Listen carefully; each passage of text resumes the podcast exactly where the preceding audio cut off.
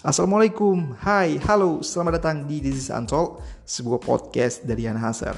Materi-materi yang ada di podcast ini merupakan materi-materi yang berkaitan dengan self-development, self-improvement, how to build business from scratch, self-awareness, dan juga pesan-pesan kegagalan yang dirangkai menjadi kalimat-kalimat motivational yang berasal dari pengalaman Yen Hazer dan juga sejumlah teman-teman yang nanti juga akan kita angkat kisahnya di podcast ini. Jadi di mana pun kamu berada saat ini, please enjoy This is Untold.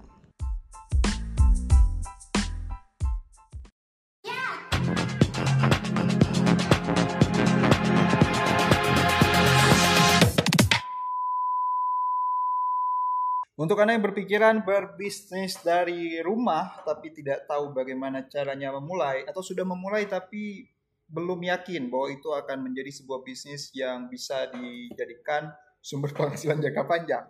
Saat ini saya sudah bersama seorang, Anda disebut siapa ya? Guru ya? Bisa, bisa di biasa.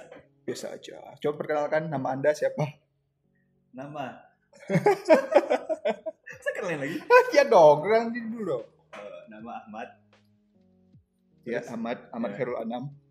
Usia Usia 25. 25 dia muda-mudain umurnya kelihatan 35 ya. Enggak lah. Jadi Ahmad ini teman saya dari SMA dan dia sekarang bekerja dari rumah sebagai seorang international dropshipper. Sudah sejak kapan itu mulai menjadi dropshipper? Mulainya Februari 2015. Hmm, ingat bulan-bulannya juga ya. Tanggal ingat. Tanggal ingat. Awal-awal awal Februari kayaknya. Kenapa memilih menjadi seorang dropshipper?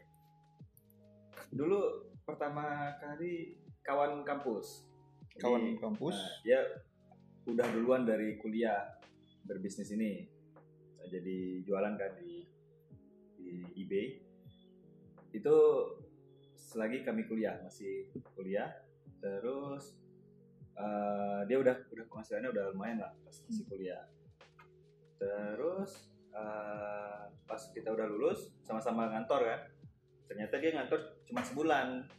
Terus Terus resign. dia resign, lanjutin lagi bisnis dia yang sebelum dia lulus ini. Oke, tapi mungkin yang belum familiar dengan dropship Iya. ini, ini bisa dijelaskan lagi Oh, gimana? dropship. Ah. Jadi eh, kita sebenarnya kayak reseller ya, tapi kita nggak nyetok barang. Jadi suruh suppliernya langsung ngirim ke customer kita. Oh, jadi kalau ada customer yang mesen ke kita, Ya, terus kita kita ngorder kontak supplier, Mhm. supplier langsung kirim ke customer ke kita. customer. Iya, itu saya juga sempat ngelakuin sekitaran tahun 2010-an ya. Tapi bisa melihat peluang internasional ini gimana kan? Bukannya sulit ini. Eh, ya karena diajarin sama si kawan ini. Si Jadi- kawan ini ya. si kawan ini. Jadi si kawan ini dia udah duluan di salah satu marketplace. Hmm. Bilang. Ya boleh, boleh. Di eBay. Ah, Ternyata dia coba ke Amazon Oke. dan penghasilannya dan peluangnya jauh lebih besar dari eBay. Karena Karena market di US itu orang beli semuanya ke Amazon. Amazon. Apa keunggulan Amazon sehingga orang Sekarang dia Amazon? udah menguasai 50% market di US. Berarti Ahmad ini udah sekitar lima tahunan ya Tahun, ya. main di Amazon. Nah ini kan berarti udah ketahuan polanya kenapa orang-orang di berarti ini marketnya kebanyakan di US ya, US, memang di US. yang di US. Kenapa Oh. orang US itu tertariknya lebih ke Amazon? Kalau eBay kan lebih awal muncul gitu. Eh, fitur lebih lebih gampang Amazon. Mhm. lebih friendly. Terus mereka ada satu fitur namanya AZ Claim. Nah itu kalau mereka udah ngeklaim itu mau nggak mau duitnya harus ke refund. Oh, itu jadi eBay nggak ada. itu eBay nggak ada. Nah, Jadi kalaupun seandainya customer bisa ngeklaim bahwa barang rusak atau apa melalui AZ, ya kita seller harus tetap ki- kita sebagai seller bisa banding dulu nih, banding Oh, ke. Amazon dengan bukti-bukti yang ada. Kalau misalnya Amazon nggak setuju, baru kita yang nge-refund. Kalau kita menang, si Amazon yang nge-refund customer. wow, Jadi mau nggak mau duit si customer pasti kembali kembali ke dia gitu. terus Dengan AZ Claim. itu AZ claim itu salah satu fitur yang Fitur yang kalau menurut ya paling unggul ya. Nggak ada ya di Indonesia pun nggak ada ya. Oh, mungkin mungkin udah ada sekarang ya. Oh iya, benar ada Tokopedia sempat ada ya? ngeluarin itu juga. Nah, terus semenjak mulai dari tahun pertama sampai tahun 2000 berapa tadi? 2015, 2015, 2020, 5 tahun kan? Udah lama juga. Udah lama. Nah, itu kan sebelumnya sempat bekerja juga. Kerja. Terus keluar kenapa? Kurang gajinya. keluar. Eh, kerjanya dulu kan di di kantor yang ribawi ya. Apa itu ribawi? Oke, nanti googling sendiri ribawi itu ya. Ya, terus kayak memang dari lagi kuliah kan udah jualan-jualan kan Hmm. banyak jualan terus kayaknya apa ya atmosfer kantor itu kurang ya kurang, menarik ya? Oh. iya pergi pagi pulang sore oh kalau di Jakarta pulang malam pergi gelap pulang gelap kayaknya aduh Bang Koi. nggak cocok ya Oh, nggak cocok ya. Tapi sempat kerja berapa lama? kerjanya berapa 8 bulan 8 atau 9 bulan 8 bulan, 9 bulan. Kayak sampai setahun kayak Halim ya. miliar Halim. Tapi itu menarik ya, maksudnya waktu itu kan kantor yang yang mana pertama yang kedua yang pertama Eh, kan Dan yang kedua, iya dekat memang. Iya. Tapi kalau dibilangin jenjang karir, emang dulu nggak pernah kepikiran jenjang karir gitu kan? Kalau orang-orang ngelihatnya udah kuliah di UI, ya kan UI nih. Hmm. Pulang kampung kan minimal posisinya apa gitu. Sementara begitu jualan kan, apalagi ini nggak ada barangnya kan? nggak ada Nggak ada, nggak nyetok kan nggak nyetok kan? Nah itu waktu resign, orang-orang terdekat ke orang tua gimana tuh responnya? ya pasti pasti kaget ya per awal-awal Ah. kenapa resign udah gini gini gini gini cuman seiring berjalannya waktu ah ya udahlah ya udahlah Ya udahlah, ya udah. ya. Udah nggak mau dipikirin lagi Iya. ya. Dan ternyata juga hasilnya jauh Iya. lebih bagus Iya. daripada di Hmm. kantoran ya. Sebulan jualan di situ udah lumayan ya Lumayan ini di angka ratusan nyampe ya. ya lumayan pokoknya Wow, setahun apa sebulan itu? Sebulan nyampe juga. ya kadang-kadang ya Sombong sekali kadang-kadang ya. Oh, pantesan yakin untuk keluar dari pekerjaan Iya. lama ya. Eh, dua bulan jualan ini Mhm. penghasilan lebih gede dari kantor dulu Dua bulan aja. dua bulan aja ya udahlah kantor ya udah Bodoh amat gitu ya. Jadi berapa kali tuh kalau di perkiraan Iya. pada saat itu lebih besar berapa kali penghasilan dari Amazon? hampir dua kali ya Hampir dua kali dua bulan pertama tuh Itu profit. Profit semua dong. Profit, ya. Oh, profit semua. Omset ya, lagi lah. Omset lagi luar biasa ini agak-agak bikin kesel juga ini ya, tapi ini tujuannya kita Aduh, tapi bukan yang lucunya Hah? di bulan ketiga suspend. Oh, bukan bulan- suspend, di review. Di review Karena kenaikan penjualan eh, tiga kali lebih gede dari bulan sebelumnya. oh Jadi mereka nge-review eh, apa ya kayak ini benar nggak sih seller ini kayak di review benar nggak barangnya barang-barang yang mereka jual nyampe nggak? ah oke Jadi duit ditahan sampai sebulan baru cair. sebulan baru ada duitnya oh terus bisa jualan normal lagi Sebulan lagi ya. berarti itu tantangannya dong ya Tantangannya. tantangannya nggak bisa terlalu gila juga Iya. pertumbuhannya ya karena mereka juga akan curiga gitu ya nggak sih Iya. Kan mereka ada standar kan. Mhm. tapi kalau dari Indonesia udah banyak belum yang melakukan bisnis seperti ini Dulu 2015 kayaknya belum ya. Hmm. karena tahun 2016 kan ada apa ya kayak gathering gathering pioneer namanya untuk bank account Mhm. itu se Indonesia yang ada cuma belasan di situ berarti belasan itu bisa diasumsikan selain freelancer juga Ah, jualan Amazon di ya? Amazon ya. Iya jadi itu 2016 infonya juga. Hmm. selain ada seller account harus ada account bank tadi ya? US, ah, account bank US itu dipakai pakai Pioneer. Ya pioneer. Nggak coba marketplace lain? Udah udah coba. Udah coba marketplace eBay lain? udah di Etsy juga udah tapi langsung suspend Hmm. kena? Oh beda beda beda ini ya? Mungkin Etsy peraturannya beda ya? Ya beda peraturan. Karena harus produk yang dibuat sama tangan Ya. saya di self handmade gitu ya? ke art Hmm. handmade. Jadi untuk kemarin misalnya waktu pandemi. Hmm. pandemi kan banyak bisnis yang goyang. Ya anda itu goyang atau justru tidak Justru goyang sama sekali? itu apa ya eh, sangat tinggi penjualannya. Wow. Kan melebihi tahun-tahun sebelumnya. Berarti itu rekor kemarin. Rekor, rekornya justru di pandemi. Ini nih orang nih saat yang lain susah dia senang-senang. Ini berarti maksudnya pelajarannya ialah walaupun gak ada produk kita juga bisa jual ya. Ya kan eh, apa ya bisnis online kan nggak terlalu berdampak waktu pandemi kemarin. Hmm. malah Amazon makin tinggi. Iya makin tinggi ya. Karena kan orang di rumah semuanya jadi mending belajar online kan. Tapi nggak pingin beralih dari bisnis yang ada produknya gitu? Pernah dulu tahun 2016 kan saya punya kafe.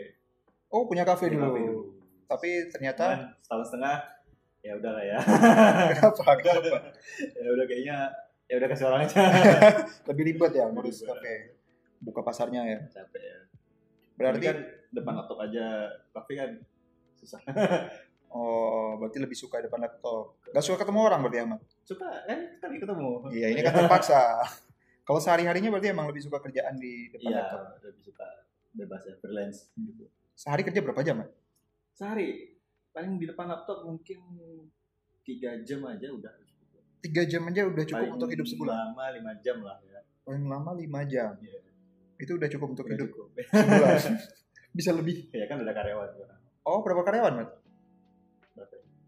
Enam, enam atau tujuh Oh, jadi dari Amazon dropshipping juga kita bisa bisa cukup untuk rekrut orang. eh, Untuk apa nih? Mereka difungsikan Kita sebagai apa? sebagai admin ya yang balas message customer ngurusin order Hmm. sama masukin lagi barang-barang ke Amazon Jadi kalau orang baru pertama mulai, perlu nggak langsung nge-hire? ya Jangan dulu. jangan dulu Baik kalau sendiri. udah orderan banyak nggak sanggup pegang atau buat orang Oh, biasanya tuh orderan banyak ada ini nggak? Ada seasonnya nggak? Mungkin di Black Season- Friday. Iya, mereka kalau di US emang tergantung season. Jadi season ini kan mau akhir tahun nih, Mhm. season holiday kan sekarang. Nah itu lebih tinggi tingginya ini sekarang. Tinggi. Saya tuh penasaran ya. Hmm. Intinya setelah kita membuat akun seller account, terus kita mencari supplier. Supplier ini dari mana nyari? Supplier supplier yang pastinya di US dong, Ya, ya kan? kita bisa cari di marketplace lain kayak eBay, Hmm, oh berarti balik lagi ke eBay nyarinya. baik dari eBay. Sekarang udah lain-lain ya, ada Etsy, udah Walmart dan lain-lain. Oh itu source untuk nyari supplier. Supplier.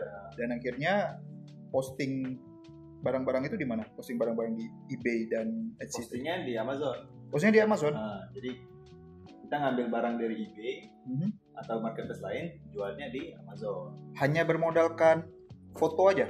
Foto, deskripsi, Oke, foto deskripsi. Terus kalau sellernya tahu kan dia marah. Oke. Oh, oh iya, jadi eh, kita minta izin dulu sama seller di marketplace lain itu, sama supplier.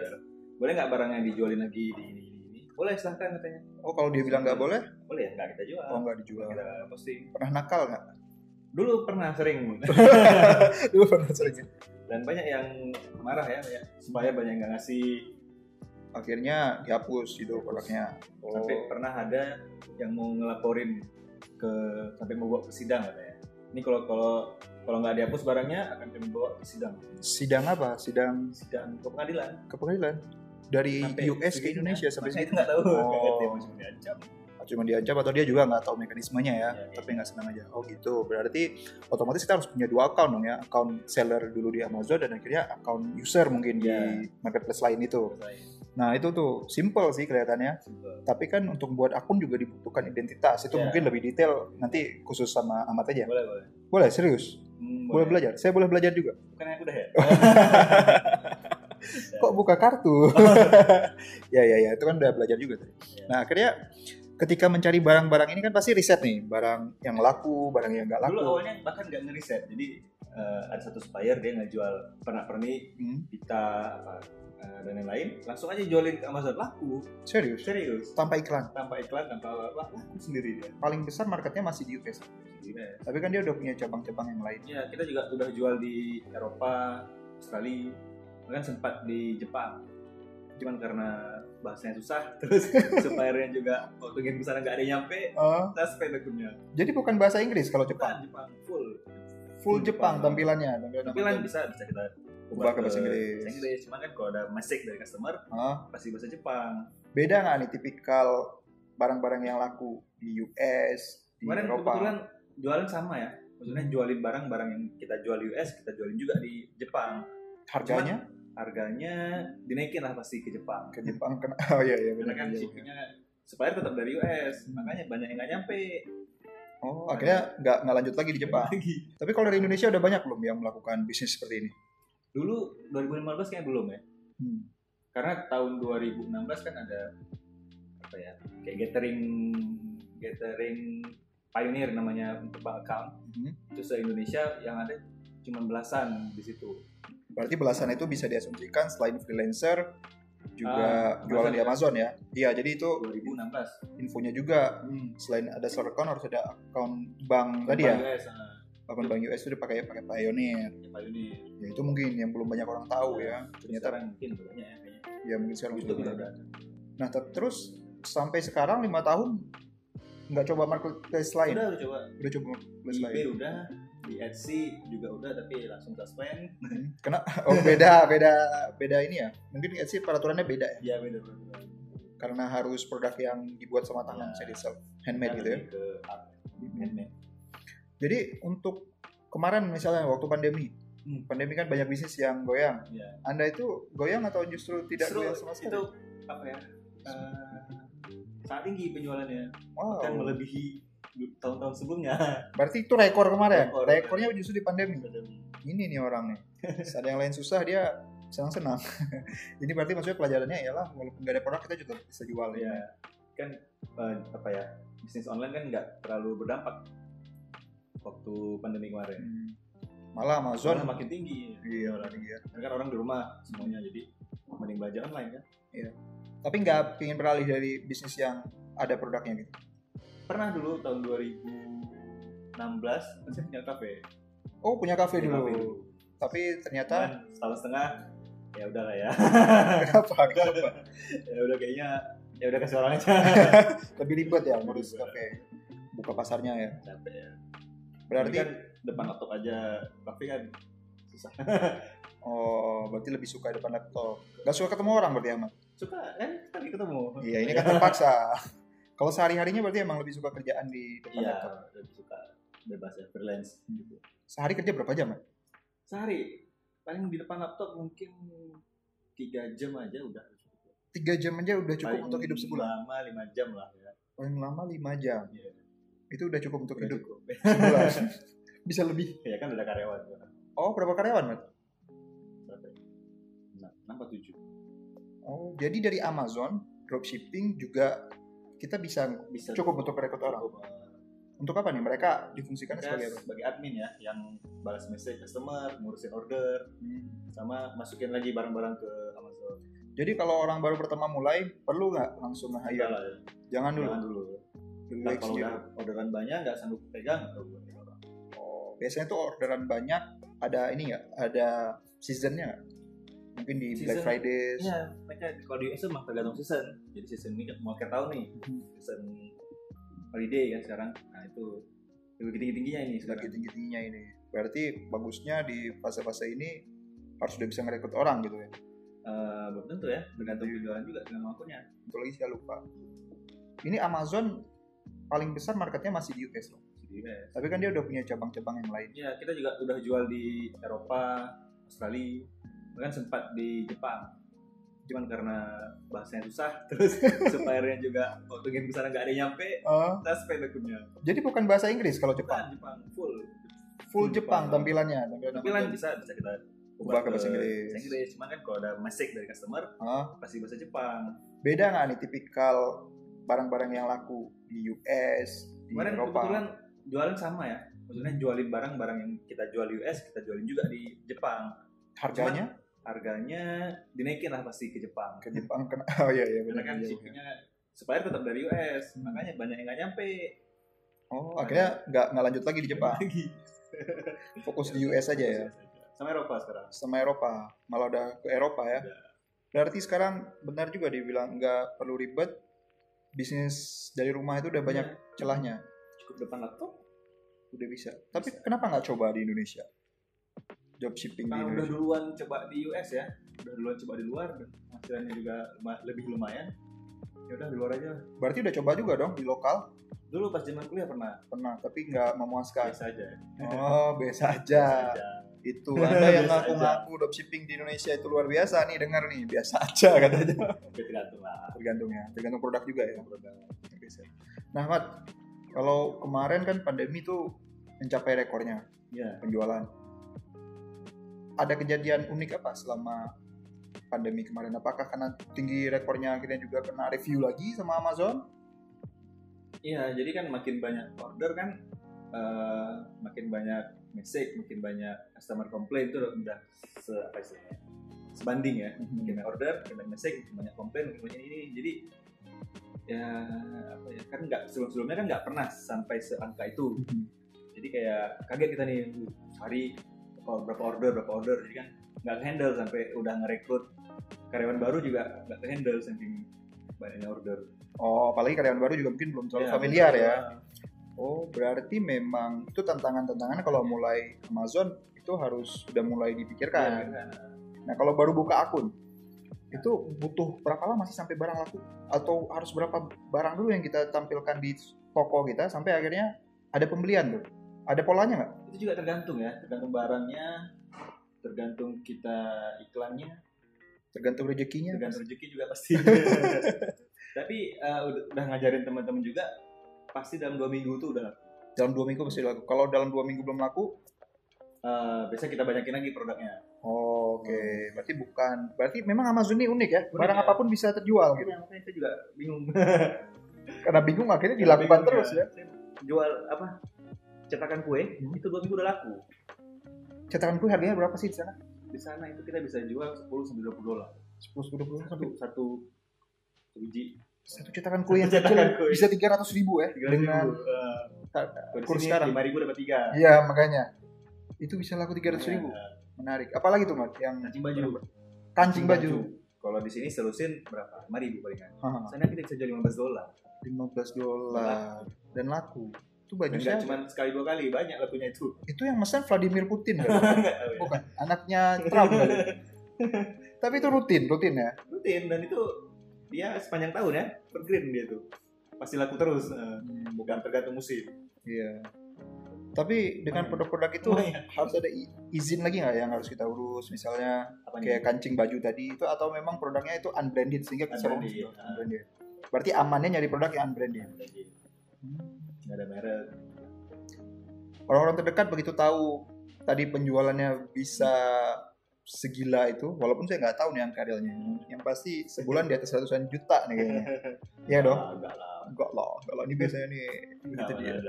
Ya tapi kan maksudnya orang-orang pasti penasaran, apalagi melihat Ahmad kerja cuma 3-5 jam, tapi kok bisa tetap mungkin orang cuma lihat di luar ya kita nggak tahu dalamnya kita berdarah juga dalam- emang dalamnya kenapa?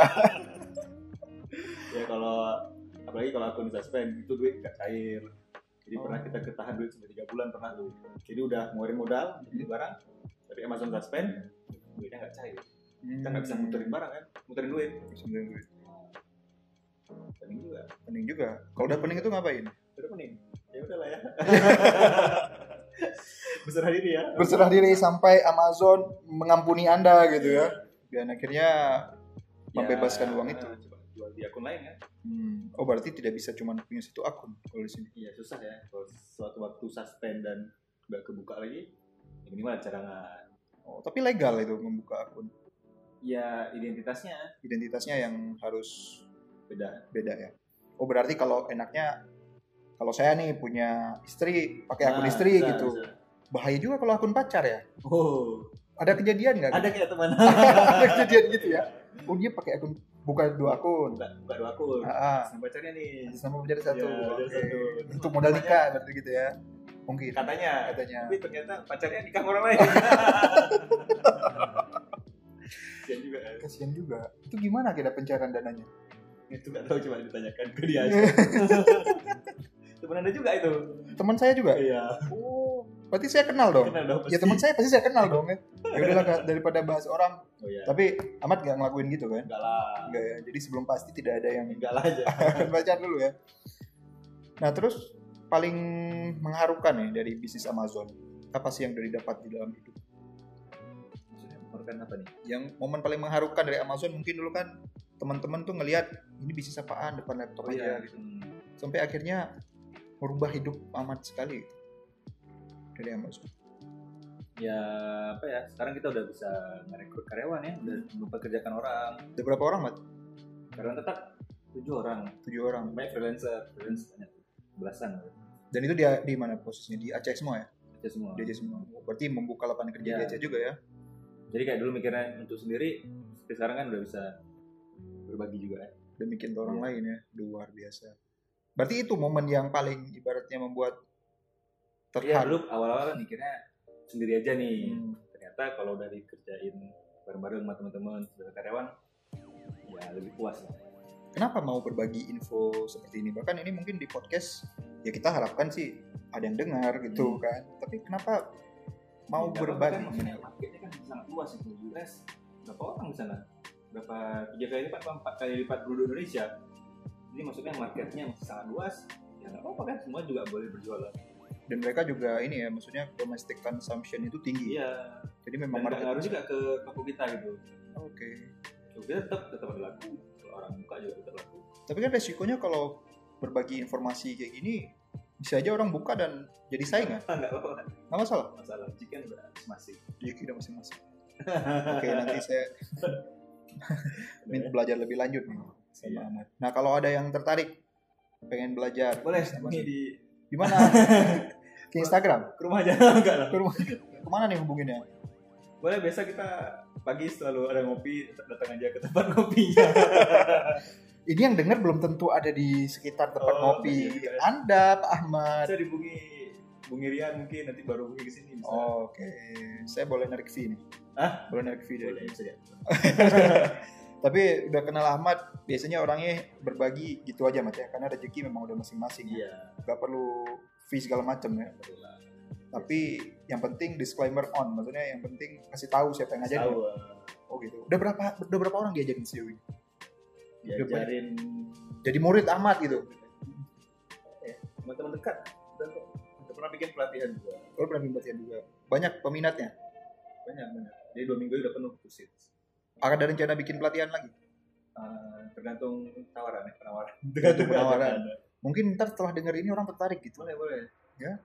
Semua aja tertarik. Tapi dari penjelasan yang udah Ahmad sampaikan ini terkesan kan simple sekali bisnisnya. Barang nggak ada cuma nyari barang orang terus akhirnya itu diposting sesimpel itu untuk memulainya. Berarti kan siapa pun bisa, Bisa. melakukan. Nggak dan nggak mesti harus latar belakang apa ya khusus latar belakang nggak nggak harus. Semua bisa kok. Nggak harus latar belakang pendidikan tertentu ya. Paling mungkin cara komunikasi Kemauan. ya untuk belajar komunikasi sama customer kan Ya, negara asing full English ya ya Full bisa English. lah.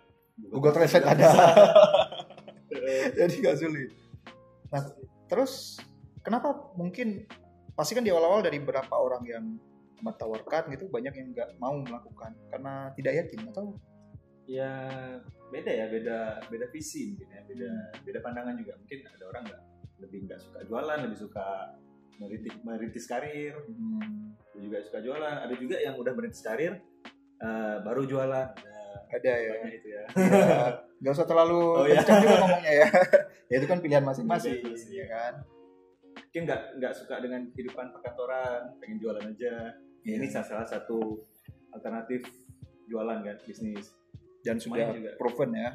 Dan bagi anda yang sudah menyaksikan perbincangan saya dengan Ahmad atau juga mendengarkan melalui podcast dan merasa bahwa konten ini ada faedahnya tolong sebarkan ke teman-teman bahwa ada konten-konten berfaedah di akun Desi Santol Oke. dan juga Desi Unvlog.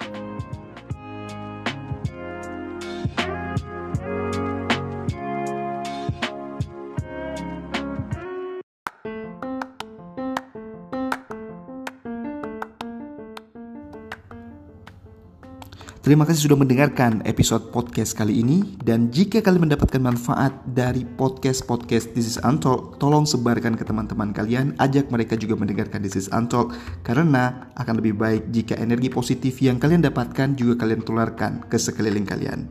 Sampai bertemu di episode selanjutnya di This is Untalk.